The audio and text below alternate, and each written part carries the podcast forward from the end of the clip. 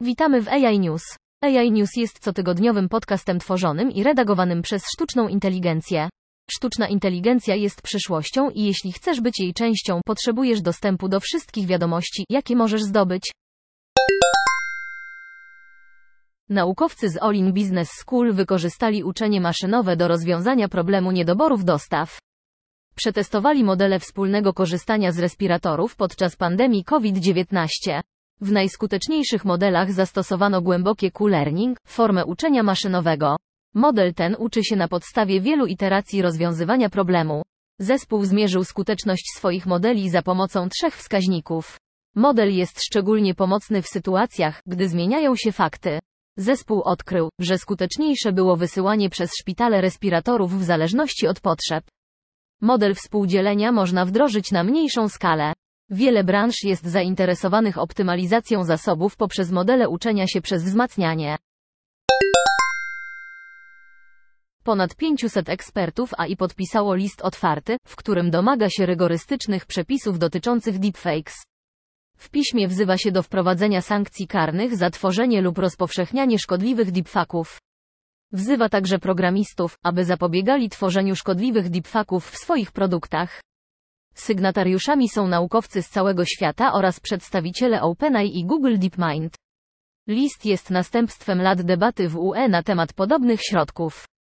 Motywacją sygnatariuszy mogły być różne czynniki, w tym potencjalne oszustwa generowane przez sztuczną inteligencję. Wpływ listu pozostaje niepewny. Firmy zajmujące się sztuczną inteligencją płacą za dostęp do danych generowanych przez człowieka w celu szkolenia swoich modeli. Według doniesień nieujawniona firma zajmująca się sztuczną inteligencją płaci Redditowi 60 milionów dolarów rocznie za dostęp do postów użytkowników. Jest to zgodne z trendem, zgodnie z którym twórcy sztucznej inteligencji zabezpieczają repozytoria pracy ludzkiej na potrzeby szkolenia w zakresie sztucznej inteligencji. Wywołało to jednak kontrowersje, ponieważ użytkownicy Reddita uważają, że ich wpisy są wykorzystywane w celach zarobkowych bez ich zgody.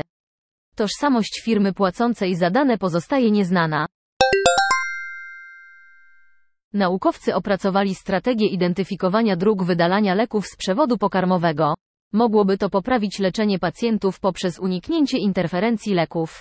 Zespół wykorzystał modele tkanek i algorytmy uczenia maszynowego do identyfikacji transporterów leków.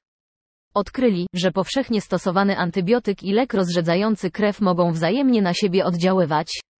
Badania mogą pomóc w uczynieniu leków bezpieczniejszymi i skuteczniejszymi. Może również pomóc twórcom leków poprawić wchłanianie nowych leków. Badanie przeprowadzili naukowcy z MIT, Brigham and Women's Hospital oraz Duke University. Dziękujemy za wysłuchanie. Dołącz do nas na www.integratedAIsolutions.com. Pomożemy Ci zrozumieć teraźniejszość, przewidzieć przyszłość i uczynić ją swoją własną.